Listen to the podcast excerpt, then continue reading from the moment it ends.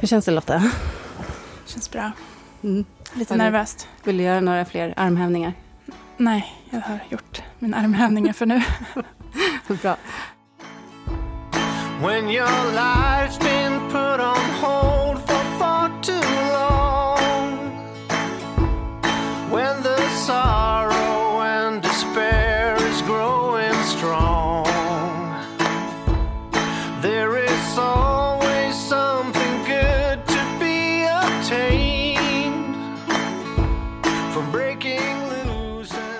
Idag är det jag, Katta, som hälsar välkommen till ännu ett avsnitt av Bortom ekorrhjulet. Jag har faktiskt idag åkt tillbaks till eh, mitt kära Särna, där jag befinner mig nu. Det är inte bara nöje, det är också så att dagens gäst bor ganska nära här. Så att när vi pratade om att podda tillsammans så kom vi på att vi tar en liten dejt i Särna. Och där är vi nu. Med en piskande lågkonjunktur för dörren och mitt i de tuffa småbarnsåren. Ja, de flesta av oss skulle nog inte se det som den optimala tajmingen för att rätt spontant säga upp ett fast jobb och kasta sig ut i egenföretagarlivet för första gången. Men dagens gäst, som då heter Lotta Nordin, hon kastade undan alla tvivel och gick all in på en stark magkänsla. Det här är precis rätt, precis just nu. Och så här ett år senare ungefär, så kan vi konstatera att ja, precis så var det ju. Så välkommen till podden och till Särna, Lotta Nordin. Tack snälla du. Vad lätt det lät när du beskrev det sådär. Ja, eller hur? Men det var väl ungefär så lätt också, eller? Ja, precis. Nej, men det är klart att jag hade jättemycket tvivel eh, inför att kasta mig ut och starta eget i en lågkonjunktur. Men... Spontant så låter det inte som den bästa perioden att, att göra det. Nej, det gör inte det. Det hade väl egentligen funnits med mig i bakhuvudet ganska länge att jag ville starta eget. Och sen var jag på en arbetsplats där jag inte mådde så bra helt enkelt. Eh, det var en ganska dålig arbetsmiljö dåligt ledarskap. Ja, jag har hamnat i de situationerna tidigare också och då sagt upp mig. Och sen har jag hittat ett nytt jobb och sen har jag hamnat där igen och sagt upp mig. Så att, eh, du känner att nu ska jag bryta den här onda spiralen? Men jag tänker så här, vi ska komma tillbaka till det. Mm. Men först så vill eh, nog våra lyssnare höra mer om eh, vem du är. Så eh, vi kör en klassisk fråga. Om du skulle välja tre ord som kan användas för att beskriva dina allra mest framträdande egenskaper, Lotta, vilka ord kommer till dig då? Eh, det här är en jättesvår fråga. Det har alltid varit en svår fråga tycker jag. Men nu, efter att jag startade eget, så tycker jag att det har börjat eh, klarna lite mer faktiskt. Att jag är frihetssökande och vill få bestämma själv och kreativ. Och vill gärna omväxling och testa mycket olika idéer och infall och sådär. Mm. Ja, det, vi har mycket gemensamt där. vi har ju det. och det var kanske därför vi fann varandra också. Vi kan ju säga det vi har ju jobbat ihop, du och jag. Du eh, kom in för att efterträda mig i en roll, så att jag eh, fick lära upp dig. Mm. Och sen så jobbade vi ihop under ett och ett halvt år, eller vad blir det ungefär? Mm. Så det är så vi känner varandra. Idag så bor du på Sollerön, utanför Mora. Det är inte Mora, viktigt att påpeka. Och du bor ju i lite av en Bullerbyn-idyll när man tittar på dina stories på Instagram så är det så här, Åh, vi åker och handlar lokalodlade grönsaker och barnen leker i äppellunden. men, eh, men så har det inte alltid varit. Kan du inte ta oss på en kort eh, flash-turné genom ditt liv? Ja, eh, först och främst kanske Instagram stories är inte liksom hela verkligheten. Va? Nej, det är inte så. Ja, nej, men jag är från Stockholm och är uppvuxen där. Eh, jobbar, har jobbat inom marknadsföring och kommunikation hela mitt liv. Inom modebranschen i Stockholm främst, vilket är en ganska hetsig bransch och inte heller superhärliga arbetsmiljöer och sådär. Men sen har jag en mamma som är från Småland och en pappa som har, ehm, eller vi har haft ett sommarställe ute i skärgården helt enkelt. Och jag har alltid trivts som bäst på landet. När jag i Stockholm kände mig utarbetad så tog jag ofta min tillflykt till vår sommarstuga Åkte ut dit helt själv. Då fanns det inte ens någon mottagning på telefonen där. Så jag satt där och typ så eldade någon brasa och röjde lite sly och gick ner till vattnet och satt där och, och så. Och det kände jag att jag... Men det var alltid så här på söndagarna när man skulle åka hem. Den här ångesten. Bara, nej men jag vill inte tillbaka till stan. Och sen gick det väl... Var, då, var, var det då, kände du bara då att så här, ja men så är det? Eller hade du någon liten tanke om att det kan vara på ett annat sätt? Jo, men det är klart att jag försökte. Jag tänkte väl så här, ja men jag kan ju bo här i vår sommarstuga och sen åka in till Norrtälje kanske och jobba där någonstans. Men, men sen kom jag inte längre i de tankarna. Sen gick det väl en tid och sen träffade jag ju en eh, dalmas på Tinder i Stockholm. Eh, du menar att det går att träffa någon på Tinder? det går. Men då var jag också väldigt ihärdig. Jag gjorde ju en eh, med min dåvarande psykolog och med lite kompisar och så sannolikhetslära. Liksom. Jag ville ju verkligen träffa någon. Så att jag bara, ja men jag måste ju träffa många helt enkelt. För då ökar ju chanserna. Till att... Och där var det kört för mig, jag orkar inte. Nej, men då får man bara bita ihop katta och så tar man sig ut. Ja. Eh, så jag bokade in tre, fyra dejter i veckan ibland. Ja, men tricket är ju att man får inte göra dem för långa. Man ska inte boka in en trerättersmiddag eller så här, en kryssning som jag hörde någon gjorde. Det är helt galet. Man, tar, man säger så här, vi ses efter jobbet och så köper man en take away-kaffe på Pressbyrån och sen går man en promenad. Och sen när man ser en tunnelbanestation, liksom, station, eh, ja, för er som bor i Stockholm, då bara, oj, nej men här är min linje, jag måste, jag måste, nu måste jag gå, om det är dåligt. Så man liksom rymmer ner i, i tunnelbanesystemet? Ja, det är lätt, det är lätt liksom out då. Det låter verkligen som att du hade en plan här. Det... Ja, det var väldigt så eh, systematiskt. Och oftast är det ju trevligt. Alltså, men det är inte så att man förlorar så mycket på att gå på det. Man kan ju vara lite trött kanske och blanda ihop folk lite. Alltså. och sen också att man, om det är trevligt så går man igen. Det var också en sån, eh, så att det behöver inte vara så här klicka första ögonkastet. Ofta Nej. blir man kanske kär i någon man har jobbat ihop ett tag. Eller... Så uthållighet och eh, både kvantitet och... kvantitet, precis. Till slut så dyker det upp lite mm. kvalitet där. Ja, lång utläggning om eh, det. Ja, förlåt. Och sen, du eh, träffade en dalmas då i alla fall? Precis, träffade en dalmas. Och då... han, han fick följa med ner i tunnelbanan? ja. Uh, nej, ja, precis. Han fick följa med ner i tunnelbanan. Han bodde i Stockholm också då, men är från utanför Mora i Dalarna. Och ungefär samtidigt så började Mandelmans gå på tv. Och, Aha. Mm. och det triggade ju mig otroligt mycket. För jag hade också börjat så här, smygodla lite på, på landet eller i sommarstugan. Men det är svårt när man är där så här, tre veckor på en sommar, det går inte att odla någonting då. Så jag var jättesugen på att flytta till Skåne och köpa en gård och bara gå all in på att odla. Men det går inte att få med en dalmas till Skåne. Så att eh, här är jag nu, i Dalarna. Min man hade väl, eller min nuvarande man, min dåvarande fling, hade väl en eh, tanke om att så här, ja, eh, Mora och en mils radie, det var hans. Ja, det var en ganska snäv. Det var lite snävt kan man säga. Eh, men jag tänkte så här, ja men vi provar. Jag flyttar upp, eller vi försöker hitta någonting i Dalarna. Och så testar vi. Och det värsta som kan hända är att vi bara flyttar tillbaka. Så då hittade vi en gård på Solleran utanför Mora. Och jag sålde min, eh, eller först hade jag kvar den och hyrde, hyrde ut min eh, lägenhet i Stockholm. För vi bodde ju heller inte ihop i Stockholm, utan vi köpte en gård i, i Dalarna direkt. Det är ju coolt att ni inte ens testkörde. Liksom. Nej, precis. Det, men sådana där stora beslut har jag ganska lätt att ta av någon anledning. Att bara så här, ja men vi gör det och sen, eh, det värsta som kan hända är att vi får sälja den där gården och flytta hem igen. Och det, så är det ju faktiskt. Nu kan det vara svårare när priserna har sjunkit. Men... Ja, men då, då hade du hamnat på Sollerön i alla fall. Och det, det här är, hur många år sedan är det? Det är sex år sedan. Och det var ju superhärligt att bo i Dalarna. För att där, här, när jag bodde i Stockholm så hatade jag ju vintern. Alltså när det började snö, jag började typ gråta. Jag blev så deprimerad. Men här, nu när man bor här på vintern så är det ju... Nu uppskattar jag ju hela året. Man kan åka skidor på vintern. Ja, men det, det, blir inte så mycket strul här som det blir i Stockholm. Då, är det så här, ja, men då innebär det bara inställda pendeltåg och mm. halka. Men mm. så är det ju inte när man bor så här. Där man kan gå in och elda lite i vedspisen och baka bröd tänkte jag säga. Jag hatar att baka, så det gör jag inte. Men eh, teoretiskt sett kan man baka bröd.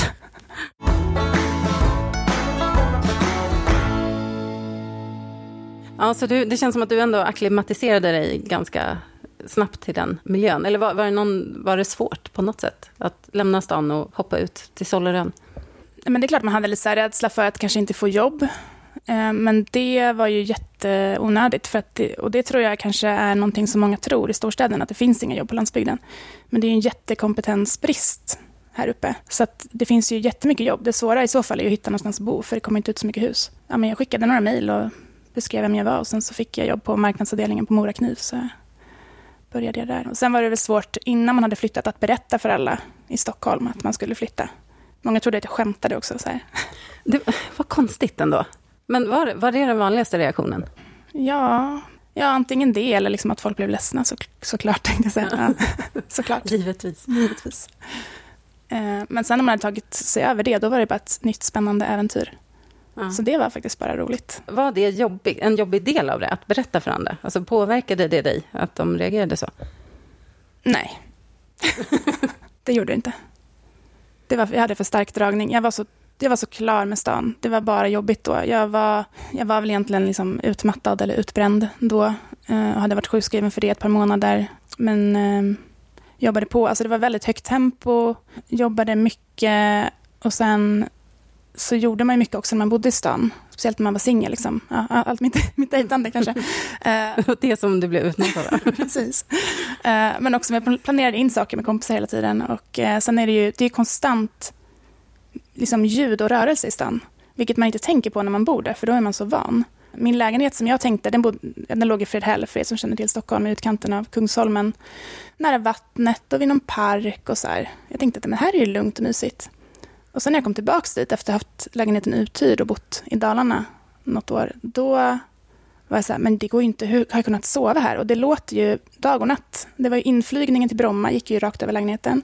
Tunnelbanan, Essingeleden, folk i den där parken som lät, grannarna. Det var ju så mycket ljud. Och så var det så här, när man torkade av bänkskivan vid fönster, eller vad heter det, fönsterblecket, så var det så här, liksom, trasan blir ju svart för att det är så mycket avgaser. Ja, men det, det, man vänjer sig verkligen vid ljudmattan på ett sätt. För det, jag upplever också samma sak nu när jag kommer tillbaka till stan. Att så här, oj, gud vad det låter överallt. Mm. Och sen, sen, efter några dagar, då är man inne i det igen. Men och många som liksom hälsar på oss från storstan och bor i vår gäststuga, de är ju så här, gud, jag har sovit så gott och det är så tyst och mm. lugnt och skönt.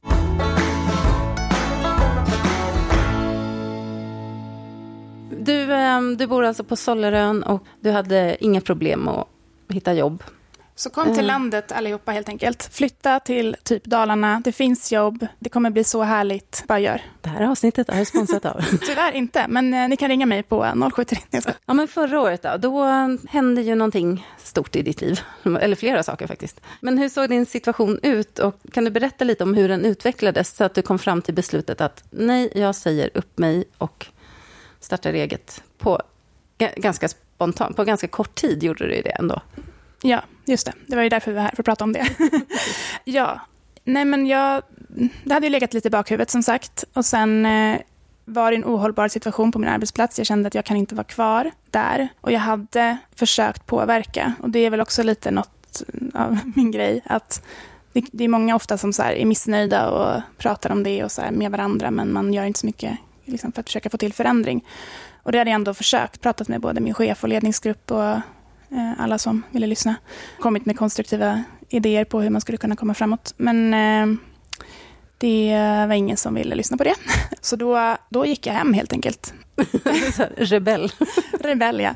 Utan att sjukskriva mig, för jag tyckte att eh, det är, arbets, det är dålig arbetsmiljö här och jag tänker inte sjukskriva mig på grund av det. Och det, så får man ju inte göra. Ehm, det är ju typ arbetsvägran, tror jag det heter. Men vi gjorde det i alla fall. Men det, så, så kan jag inte heller göra, så jag sa upp mig ett par veckor senare. Mm. Och då, ja, men då hade jag den här idén. Det är klart att jag kunde sökt ett annat jobb.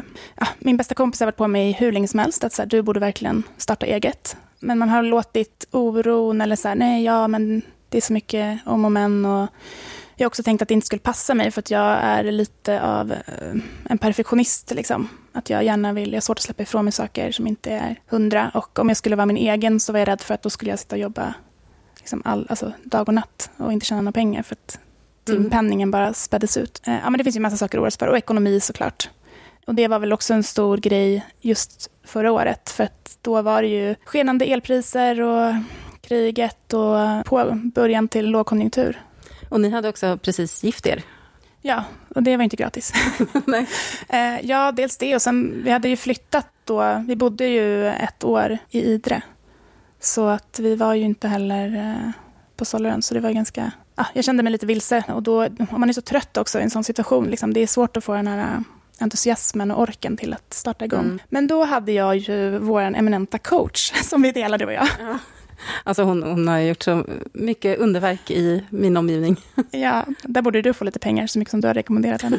Ja, men eh, Pernilla Aspe, som också varit med i podden, en fantastisk coach som Katta rekommenderade till mig. Så att vi började bena i det där vad som egentligen var min oro med att starta eget. Och det var, ja. ja för, kände du då att allt bara liksom fladdrade runt i huvudet? Alltså, eller började ett beslut forma sig? Eller kände du dig vilsen i alla de här funderingarna? Ja, men det blir ju att det bara loopar i huvudet. Och den enklaste utvägen är ju alltid att strunta i det. Men jag vet också att ja, men de roligaste sakerna i mitt liv har kommit efter de här, när man har tagit de här svåra besluten. Där det är så lätt att hitta tusen ursäkter och anledningar till att man inte ska göra det. Men när man väl gör det sen så blir det liksom, det har blivit de bästa tillfällena i mitt liv. Alltså att plugga utomlands eller att bo utomlands, jobba utomlands. När vi flyttade till Idre med barnen för att jag skulle prova att jobba där. Även om inte det blev superlyckat så var det ändå en, en av de bästa upplevelserna i mitt liv. Jag träffade dig. Ja, och då hade du tjänat in allt. Då. Ja, vad frågade du? Eh, ja, men vi började bena i det Ja. då, vad som var oron. Och en, hon sa, det var säkert flera samtal, men eh, det som jag verkligen minns, för Pernilla, ursäkta om jag liksom citerar henne fel här, men eh, jag satt i bilen och pratade med henne i telefon och så sa hon så här, okej, men ta bort alla orostankar nu kring det här och lägg dem i, vi kommer tillbaka till dem, så du behöver inte oroa dig, men lägg dem i passagerarsätet en stund, i fem minuter. Och så bara berättar du för mig om alla fördelar det skulle vara om du startade eget. Och bara levde in i det. Och så gjorde jag det. Och det kom så mycket bra grejer där som jag berättade för henne. Och jag blev helt, när man tar bort oron då, då blir man helt lycklig.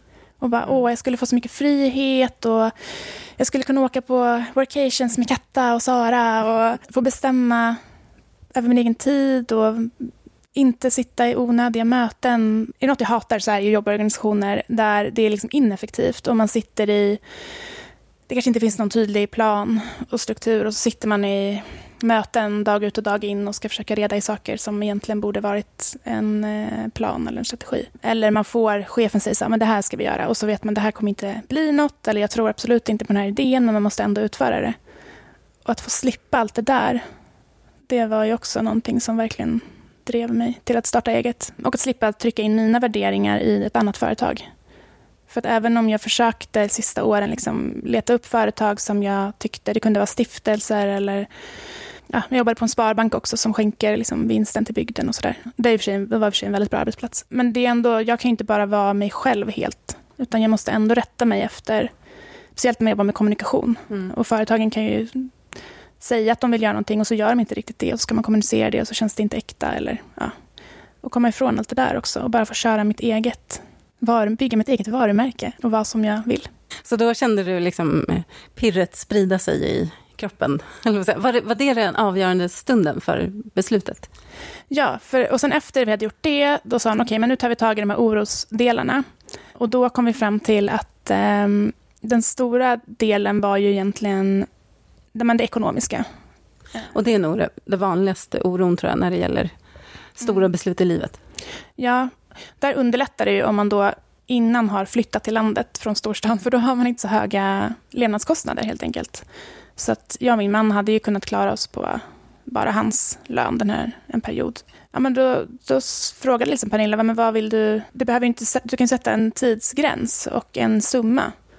Så att jag tänkte så här, ja, men jag hade lite sparpengar, så tre månadslöner ungefär, att jag tar det av mina sparpengar för att komma igång. Och sen utvärderar jag om tre månader. Och under den här tiden så ska jag inte känna en stress att jag måste, för det är klart att jag kommer inte få in, kunna fakturera från dag ett i ett nytt företag, speciellt när det var så här spontant. Och att jag skulle då ja, leva på de pengarna helt enkelt. Och det gjorde att jag bara så här kände, ja men vad skönt, då kan jag slappna av i det här. Och de här pengarna kan jag riskera, för att det finns en sån vinst i andra änden om det går bra.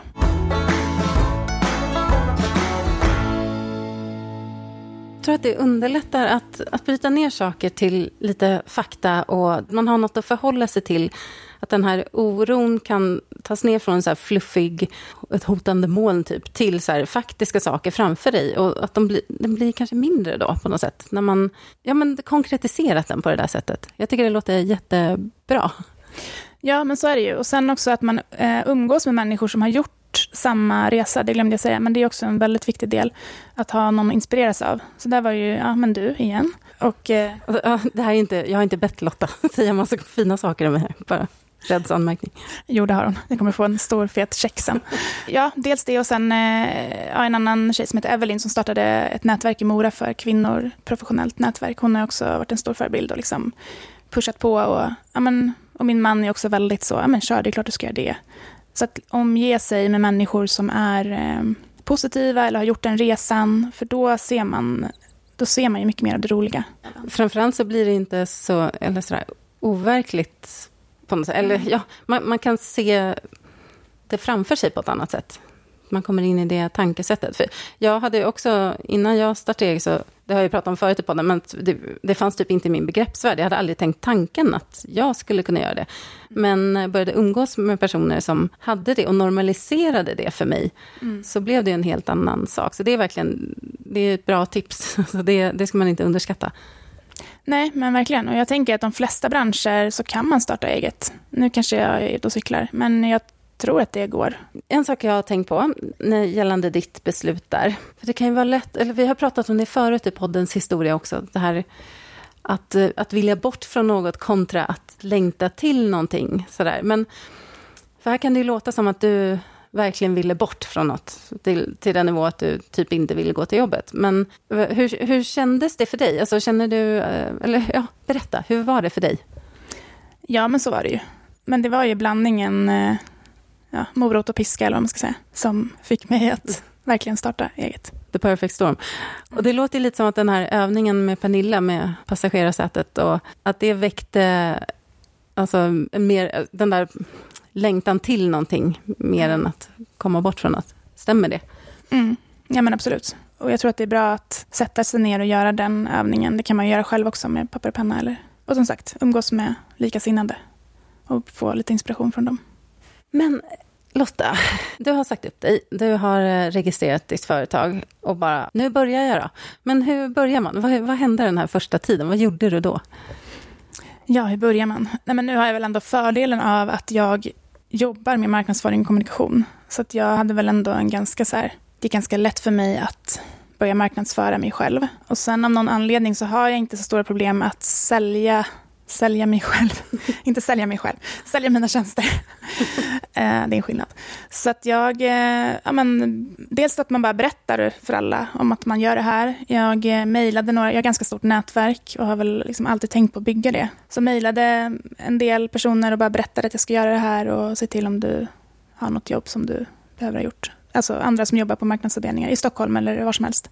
Och sen var jag ju så här, som sagt triggad av att, eller taggad på att skapa mitt eget varumärke. Och då tänkte jag, men nu, jag måste verkligen synas nu. Och det är, alltså jag är egentligen, från början är jag superblyg, jätteintrovert. Alltså jag har verkligen jobbat på att bli mer utåt. Så jag gjorde ett varumärke med jättegalna, alltså jättemycket så här skrika, brandgult och grönt och rosa och um, tog massa bilder i en studio med färgglada kläder och gjorde lite så här tokiga saker och bara levde ut det. Gick på selfiekurs hos dig och Sara och Hanna och la ut, ja, mest använde jag väl LinkedIn för att nå ut. Men sen mejlade jag också en del företag som jag ville jobba med och bara, hej här är jag, jag kan hjälpa er med det här. Då får man göra lite research. Det var absolut inget massutskick, utan det var ju pinpointat. Jag fick napp på lite olika ställen, helt enkelt. Som ledde till att jag... Det var lite... Alltså det är klart, lite så här, i början, jag hade mycket leads, men det blev aldrig något av olika anledningar. Och då är det lätt att bli lite så här, nej men det här kommer, jag kommer aldrig få något konkret. Men där, min man har jobbat, han har haft eget bolag inom sälj också. Och han var så här, men du har så mycket leads, det kommer ge. Alltså det är bara, fortsätt som du gör, det är uthållighet. Liksom. Mm. Och det hade han ju verkligen rätt i, för sen bara smällde det till. Uh, och då... Och du bara, nej, uh, jag kan inte ta in allt det här, eller vadå? Uh, så borde jag ha sagt det, men det gjorde jag inte. För att man är nystartad och tänker, och det var jättemycket roliga uppdrag som jag verkligen ville ha. Ja, men så här, Visit Dalarna och Leksands sommarland. Och, ja, men, det var kul uppdrag. Så att jag eh, tackade ja till allt. Utan att ha någon slags så här, äh, plan, jag gillar inte jättemycket att planera upp. Nu sa jag att jag saknade struktur när jag jobbade. Men jag, jag körde på bara och tog på mig allt. Men det var inte superbra för då jobbade jag liksom kvällar och helger hela våren och var helt slut. Och inget, alla de här uppdragen var ju roliga var för sig.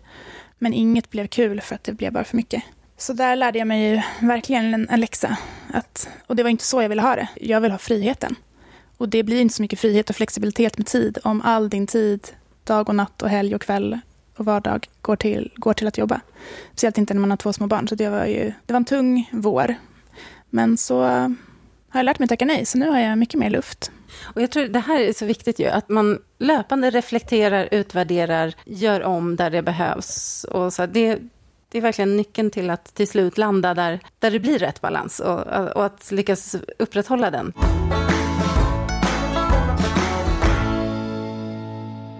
Men hur lång tid tog det ungefär från, från att du satte igång till att du började jobba med första kunden? Ja, jag hade en liten kund från början som eh, var som frilansskribent för en arkitekturtidskrift som jag hade gjort när jag pluggade. Så där hörde jag av mig så fick jag lite jobb där. Men det var absolut inte så att det täckte liksom en heltid. Och sen kom jag i kontakt med en eh, ideell organisation som heter Trygga Barnen. Och de hade inte jättemycket pengar men då gjorde vi en deal att jag jobbade för halva min tänkta timpenning två månader. Sa jag, det kunde göra det. Och för då hoppades jag att jag då skulle ha fått in jobb. Och det var inte heller heltid, men det var ändå liksom så att jag hade någonting. Och då fick jag lite referens där också. Och så där. Tills att jag blev helt fullbelagd så tog det väl kanske, ja men det tog väl två, två och en halv månad. Och det är ju faktiskt jättesnabbt i Alltså om man tänker säljcykler och alla som har jobbat med, med att driva in nya kunder och sådär, från första kontakt till att man faktiskt är igång och jobbar, så är ju två och en halv månad är ju någon typ av, alltså det är jättebra jobbat verkligen. Det känns ju inte så när man är mitt i det, det känns ju som att eh, det är jättelång tid och det, man vill ge upp och sådär.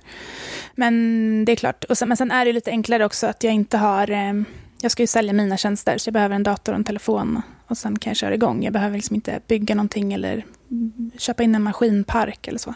Så jag har ju såklart förståelse för att det kan vara svårare i andra branscher. Men eh, under det här eh, första året nu som har gått, så är det något som har varit eh, svårare eller lättare än du trodde? Alltså, har, det varit några överraskningar längs vägen? Ja, men överraskningen har varit att det har varit så mycket lättare än vad jag trodde. För sen har vi, alltså, det här med att jag skulle jobba för mycket, ja det gjorde jag för att jag tog på mig för mycket, men jag har ändå, det har jag haft med mig hela tiden, att det här är en risk för mig om jag startar eget, att jag kommer sitta och jobba jämt och sådär. Eh, och det, så det har ju liksom hela tiden varit i bakhuvudet, så jag har varit så här, men nu är det good enough. Och nu har jag liksom, nu har jag offererat att det här ska ta tio timmar, då kan jag inte sitta 20 timmar, för det är helt ohållbart. Så jag har faktiskt varit ganska duktig på det. Sen har min man också gått förbi och så här väst ibland bara, good enough, good enough, när jag sitter och jobbar någon kväll.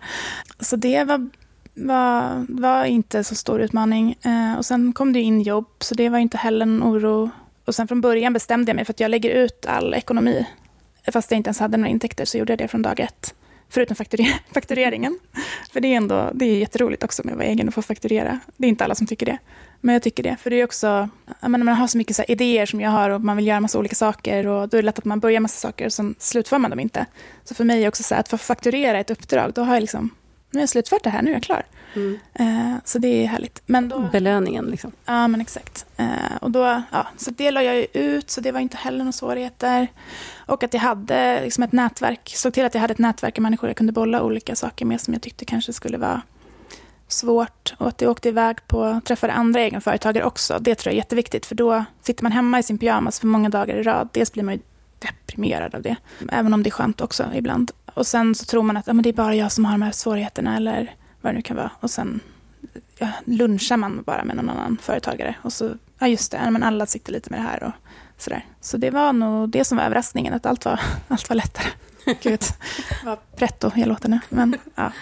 Nej, men det är ju din upplevelse. Så att det, och det, jag kan tänka mig att det finns fler där ute som känner samma sak, alltså jag inkluderad. För att jag, jag hade byggt upp det som att det det skulle vara jättesvårt och ett jättestort steg. Alltså, det var någonting stort och läskigt. Och hur ska jag...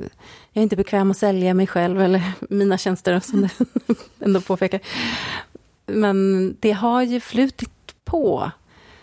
Och man, det är det där som du säger, att få in leads och så här, till slut så rullar det in och när det väl är inne någonstans, då brukar det ofta leda till något mer. Och, mm.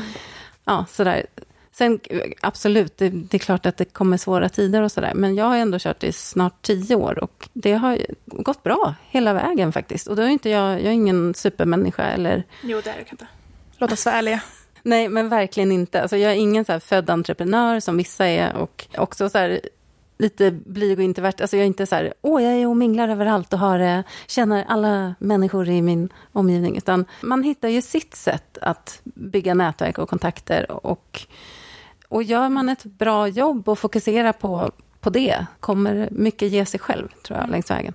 Och ta hjälp av en coach om du tycker vissa saker är svåra. Och det behöver inte vara en jättedyr eh, privat coach, utan det finns ju hjälp, massa hjälp att få. Alltså, Nyföretagarcentrum gick jag till en, ett tillfälle i alla fall. Det kan vara svårt. Ska jag ha aktiebolag eller enskild firma? Jag kan ingenting om moms, bla bla bla. Nej, men du behöver inte kunna det. Det finns andra som kan det. Mm. Och som kan hjälpa dig. De kan liksom sitta bredvid dig när du klickar dig igenom på Bolagsverket om du vill.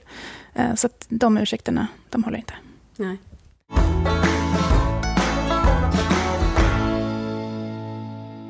Jo, men vi har ju pratat om att ekonomi är en sån här vanlig oro. Eh, ja, men, vad händer? Tänk om jag inte får in några pengar och måste jag lämna hus och hem och hur ska jag kunna försörja familjen och allt det där.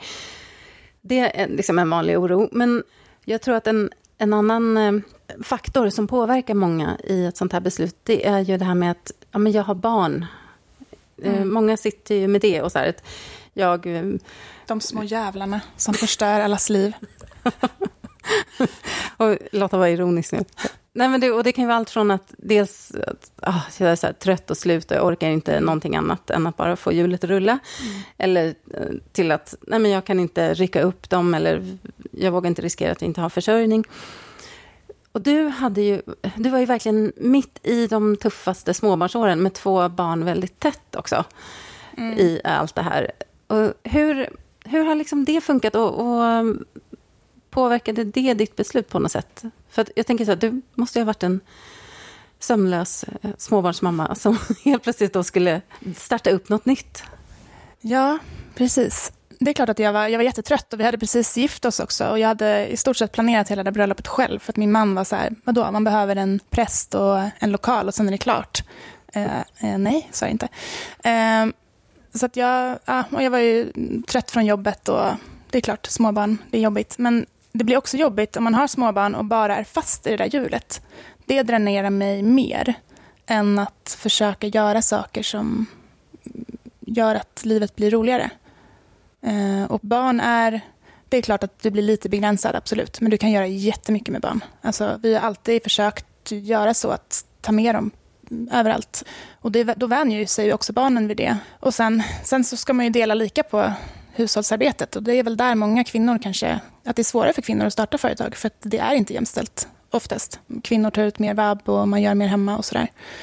Och även på arbetsplatser, det här liksom, icke-meriterande arbetet. Men då får man ju vara, vara lite hård med sin partner också. Att nu ska jag starta eget. Och det kommer, ta den diskussionen innan. Det kommer kräva att du steppar upp lite.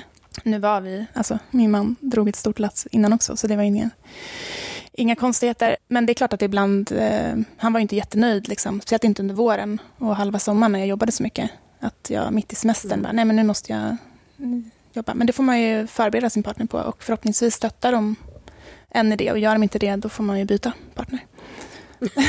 nej men alltså, då är, alltså på riktigt, det, man ska ha delat ansvar för barn och så. Så barnen, eh, nu i efterhand, jag har ju fått så mycket mera, dels, alltså jag var så, jag var så trött när jag var anställd. Jag hade ingen tid för mina barn eller ork. Liksom man, man hämtar dem på förskolan och de är slut och man själv är helt slut. Nu är jag mycket mer flexibel i min tid och kan liksom vara spontanledig med dem om jag vill. Eller, eh, så det har egentligen underlättat mitt mm. småbarnsliv. Och sen det här med att man inte kan flytta med barn. Också, vi flyttade ju till Idre med, när barnen var små. Har, nu är de fem och tre. Så det här var väl, vad var de då? Ett och ett halvt och tre. Ja, det är klart man kan. Ja, de fick byta förskola. Det gick jättebra. Alltså, jag tror att man ibland också har det som en liten så bekväm ursäkt att nej, men jag kan inte flytta mina barn. Och, ja, eller så säger man så ja, men det var lätt för dig att flytta dem för de gick inte i skolan. Nej, men man kan flytta dem när de går i skolan också. Jag tror att det kanske inte är toppen att göra det varje år, men barnen växer ju också av det. De, de lär sig hantera förändring, de får nya intryck och nya miljöer att vara i. Och så det var också jättekul för dem att bo i Idre ett år och vi kunde åka skidor och göra massa sådana mm. roliga grejer. Ja, men det är intressant ändå att, att du upplever nu att vardagen, alltså småbarnslivet, har un, det har underlättats av att, att du nu mm. driver egen och är mer flexibel. Och så. Ja, för att om jag tar på mig så mycket jobb eller att jag jobbar, att jag låter mina kunder bestämma att jag ska jobba på kvällar eller så här, då, alltså, jag har ju bara mig själv att skylla då, om jag ska vara helt ärlig. Så jag måste ju se till att jag lägger upp mitt egna företagande så att jag får den tid och frihet och så som jag behöver för att ha ork för min familj och tid. Så jag är min egen chef nu. Och så mycket som jag har klagat på andra chefer genom åren, då är det bara att visa nu hur man ska göra. ja. ja, vi får väl se om det blir någon så här äh, myteri äh, från den här chefen då, eller hur det går. Ja, men ibland är hon lite jobbig. Men eh, hon, eh, hon är också ny som chef. Så jag tänker att man får vara lite snäll, självmedkänsla. Jag har inte varit chef förut. Så att, eh, jag måste ge mig själv lite tid att öva på det. Mm. Jag blir bättre och bättre. Mm. Ja, vi sitter ju här nu ett år ganska precis efter att du mm. vevade igång hela den här processen. Känner du att du fattade rätt beslut? Det låter ju så. Eh, ja. finns det något mörker i det här, Lotta? Nej, men finns det, är det någonting som du tycker var, var bättre förr, så att säga? Um, ja, men det är väl kanske det här, ja, om man är, när man är sjuk och behöver vabba, då... Fast det är också lite av en illusion, för det är klart att då kan man ju säga så här, ja, men när man var anställd, då kunde man bara, ja men nu vabbar jag, eller nu är jag sjuk. Men så är det ju inte riktigt, för det, när man har kontorsjobb så samlas det ju på, en, på hög oftast. Så det blir ju en stress i det också. Så att nu, egentligen är det bättre nu, för att jag, nu ska jag ha så mycket luft, alltså jag ska räkna in att jag behöver vabba i mitt schema från början. För det kommer jag behöva göra. Och inte säga så här, för det gjorde jag också i början, ja men jag skickar över här eh, på fredag. Fast kunden inte ens frågar.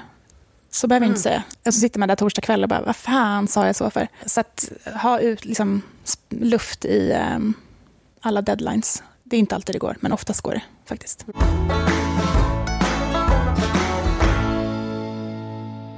Alltså det här låter ju som en skamlös reklam för egenföretagarlivet. Jag tänker så här, det, det verkar inte finnas några nackdelar riktigt. Nej, och så liksom så jobbar jag för mig själv. Så att jag, även om det är slitigt ibland så är ju, jag drar ju in mina egna pengar och, och alla de pengarna kommer till mig. Men det är ju ändå... Och Skatteverket. Ja, just det, de också. Eller vad då måste man... Det är ingen som har sagt det. Nej. Ja, det är också så här skönt, för ibland kan jag, jag kan ju också fortfarande få något så uppdrag som jag är lite så här, uh, aha, uh, det här var inte jättekul, eller jag kanske inte skulle gjort det så här, men då bara, säger man ju till kunden så ah, men det här kanske inte är en superbra idé, och så vill de ändå göra det. Så bara, ah, ja, men då gör man det, och sen kan man fakturera det, då känns det ju känns det bättre mm. än, än förut när man satt och la massa tid på saker som var helt onödigt och sen fick man ingenting för det. En sak som jag kan tycka är, men som ändå är lite skillnad från att vara anställd, dels är det här med kompetensutveckling. Och att bara utvecklas dagligen i sitt jobb. För att när jag, båda vi två, det ska vi ju säga, vi är ju soloföretagare. Mm. Så att vi, vi har bara oss själva. Mm. Och det innebär ju ett eh, starkt och eh, tappert team på en. När man, när man jobbar i ett team på ett företag till exempel, eller i, ja, någon typ av organisation, så då har du ju alltid flera skillsets att luta dig på. Alltså folk, som, folk kan olika saker och tillsammans skapar man saker. Men här måste man ju själv stå för mycket av, eller man måste ju stå för hela man är delen. lite ensam ibland. Ja, och, nej, men jag tänker att eh, det här med kompetensutveckling, det är ju lätt att man glömmer bort det. Nu har jag, jag har ju faktiskt varit hyfsad på det ändå. Jag har, gått, jag har bokat olika kurser och, för att bara vidareutveckla mig. Men det är ju något som man kanske får lite mer gratis när man är anställd. Men jag tänker också på det här dagliga lärandet när man jobbar med andra som kan andra saker och så. Hur försöker du få in den utvecklingen i, i ditt företagande? Ja, alltså Sen, var det här världens längsta fråga förresten? jag tror det. Rekord. Nej, men eh, alltså, eftersom att jag är bäst så har jag aldrig kunnat lära mig någonting av någon annan som jag jobbat med, inklusive Katta. Mm. Nej, men absolut inte. Eh, men eh, jo, såklart. Man, jag saknar verkligen att kunna, så här, ja, men jag kunde, när vi jobbade ihop kunde jag bara ringa dig och bara, nu har jag kört fast här, hur gör man, hjälp. Så kom du springande. Men jag har, det hade jag tänkt på från början, så det har jag också försökt avsätta tid för och pengar. Att hela tiden, alltså dels finns det ju så här, man kan gå lite online frukostseminarium eller lunchgrejer, mm. webinars. Mm. Sen har jag gått en längre kurs, eh, onlinekurs också. Så det, och sen tycker jag att jag har lärt mig, alltså jag har lärt mig så mycket mer på det här året än när jag varit anställd. Alltså allt sammantaget. För att jag har också tagit på mig saker som jag inte riktigt kan. Fast man säger ju till kunden att man kan det 100%. Och sen får man ju bara, lä, alltså får man bara lära sig det. Eh, och lösa problemet. Och då lär man sig. Det är då man lär sig som mest, när man så kastar sig ut. Och det kan ju vara lite jobbigt i början, men sen när man har löst det så är det ju en fantastisk känsla. Det här med kollegor då? Ja, men det kan jag ju verkligen sakna. Men där får man ju också bli bättre på att planera in, ja men åka iväg några andra som frilansar eller har möjlighet att jobba borta på någon härlig kombinerad utflykt och jobbresa. Jag kan ju också... Jag... Om, om det nu är så att någon har tid i kalendern någon gång, mm. så att mm. man kan åka samtidigt. Jag vet. Gud, hur länge har vi försökt planera in nu? Flera månader typ. Men sen, det är också, alltså, jag är från Stockholm och nu kan jag ju åka dit och sitta... Min bästa kompis där, hon är, hon är anställd, men hon kan jobba hemifrån. Så då kan jag sitta hemma hos henne och jobba och sådär. Så att jag kan ju välja, nu kan jag välja mina kollegor. Behöver jag inte umgås med de här som jag inte tycker om. Gud, det är ju drömmen. Ja, men eller hur? Och så länge inte de är kunderna då? Ja, just det. Men det är också skönt nu, även om man har, om man, om, nu älskar jag alla mina kunder såklart, om ni lyssnar på det här. Men om man har någon kund rent hypotetiskt, som man inte tycker så mycket om, så är det ju ofta, du har kanske ett uppstartsmöte liksom via Teams, eller inte ens det, är bara, ja, det är väldigt, som man har ganska lite kontakt ändå, så när det är ett avgränsat uppdrag som jag ska göra, och som jag gör, och sen är det klart, och så kanske man får något nytt. Men så det blir inte så, och så har man lite olika uppdragsgivare, så det blir inte så påtagligt det där, som det kan bli när man träffar någon varje dag. Mm. Nej, precis. Och man, man är mer beroende av en kollega eller chef ja, gud. dagligen. Det är också mm. så här, kollegor som inte levererar och så mm. ska man göra någonting. Alltså det är ju det, oh, gud. Ja, mm. Jag får typ högt blodtryck bara att prata om det just nu.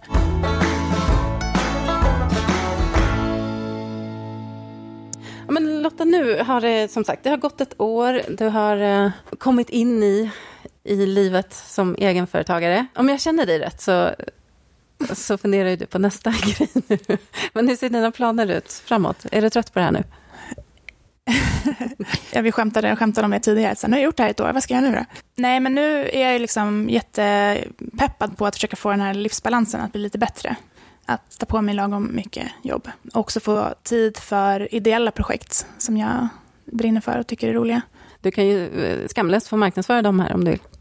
Ja, det kan jag i och för sig göra. Men det är ju en skördefest på Solaren. Men den äger ju rum imorgon och podden släpps ju på tisdag. Va? Så det var ju... Måndag. Men mm. måndag. om ett år så är det säkert skördefest på Solaren igen som man kan få komma på. Och sen är jag med i startat upp en eh, återbruks second hand-lador på Solaren också, som, eh, där vi ideellt jobbar och sen skänker vi vinsten till fina projekt i närområdet. Och sen finns det lite andra projekt som jag är intresserad av att jobba med också. Så det vill jag göra och ja, få tid att odla. Jag skulle jättegärna vilja odla mer. Speciellt nu när matpriserna går upp, då är det ju så värt att odla också. Så det vill jag göra. Ja. Och sen är jag lite sugen på att starta, men just det här med det kollegiala. Det är skönt att sitta hemma, men jag skulle vilja ha ett kontor att gå till ibland. Och tyvärr finns det inte något så här härligt, typ nästan inte i alla fall, i cowork i Mora. Eller på Solaren för den delen. Så jag är lite sugen på att starta upp ett cowork. Så om någon har någon cool lokal, gärna någon så gammal industrilokal eller någonting i Mora som ni vill att jag fixar till ett cowork, så kan ni höra av er. Mm. Mm. Och det låter som ett kul projekt. Men det låter som att du har, um, du har idéer framåt. Det är liksom inte tomt på det.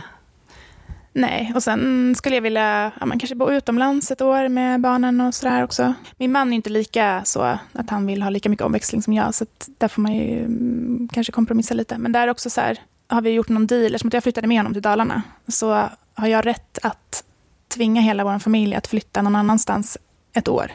Så jag var lite sugen på Malmö ett år kanske, eller Irland kanske vore mysigt. Jag vet inte. Mm. Vi får se. Ja, det, det, ska bli spännande att se var, var det landar. Malmö tror jag är kul. Mm.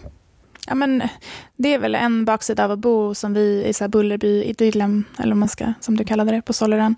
Att det är ju inte jättemycket så här influenser utifrån som det är till exempel i Malmö. Så det vore ju superkul. Och att mina barn ska få se lite stad. Herregud, de är så här, när de kommer till Stockholm så ser de en rulltrappa och så vill de åka den hela dagen. Eh, så jag tänker att de det behöver... är någonting med rulltrappor också. Det är alltid det som, som barn eh, blir så helt fascinerade av när de inte har upplevt det. Mm, ja, rulltrappor och tunnelbana vill de åka. Det är det vi helst vill undvika. ja, gud. Alltså tunnelbanan nu när man kommer... Alltså det, jag förstår inte hur man kunde åka den varje dag. Det är ju vidrigt. Det är så mycket... Alltså, jag är typ rädd att någon ska sticka mig med en kniv i ryggen. Och det är smutsigt och folk är konstiga och man står så nära varandra. Nej, obehagligt. Mm. Men, äh, ja, Lotta, om vi ska ta och avrunda lite då. Vad vill du säga till, till våra lyssnare? Jag vet att det alltid är några som sitter och funderar på ett liknande steg, eller ungefär de här tankarna. Vad ska jag, ska inte? Skulle du vilja summera ihop någonting klokt och tänkvärt, vackert formulerat? Ring Pernilla. Nej, ja det kan man göra. Sen så är det bara, kör bara. Det är liksom inte värre än att du får eh, söka ett jobb eller flytta tillbaka till stan eller vad du nu vill göra. Ren poesi. Kör bara. Men då så, hur, hur känns det så här, din poddpremiär? Ja, men det var jätteroligt. Som sagt, jag är ju liksom egentligen i grund och botten superintrovert och eh, jätterädd för sånt här. Men det är ju det att ta sig utanför sin comfort zone hela tiden som gud, ja, berikar livet. Vi avslutar med den då. En liten klyscha. Jag älskar klyschor. Jag är väldigt glad att du vågade vara med och utmana dig själv. Jag med, vad roligt. Jag hoppas inte ha skrämt bort dig, utan mer har skapat ett poddmonster. Ja, nu kommer inte bli av med mig. Nej. Jag höll ju nästan på att glömma Lotta. Om man nu vill eh, veta mer om dig eller ditt företag, var kan man hitta dig då? Då kan man gå in på min hemsida till exempel som heter eh, storiesandrich.se. Eh, eller så kan man följa mig där på Instagram också. Eller på min LinkedIn, min privata LinkedIn, Lotta Nordin. Där kanske det är mest uppdateringar. Gör gärna det. Mm, rekommenderas. Vi ska också tacka Sven Karlsson och Epidemic Sound för den otroliga poddlåten som du snart får höra i ditt öra. Vi hörs igen om två veckor. Hej då! Hej då!